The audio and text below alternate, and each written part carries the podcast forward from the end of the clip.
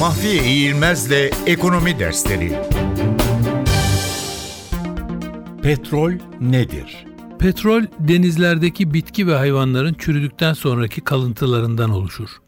Bu kalıntılar deniz yatağında milyonlarca yıl çürüdükten sonra geriye yalnızca yağlı maddeler kalır.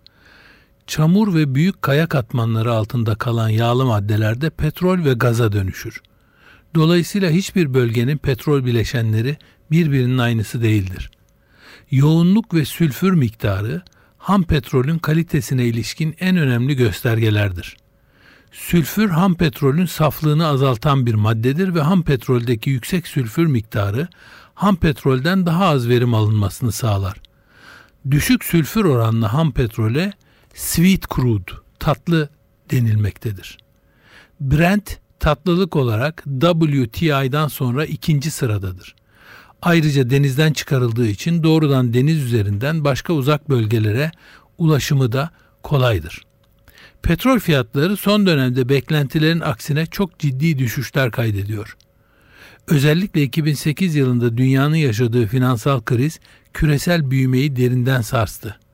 Büyümedeki yavaşlamayla Çin başta olmak üzere petrol ithal eden ülkelerdeki arzın yavaşlaması da fiyatlar üzerindeki baskının en önemli sebebi oldu.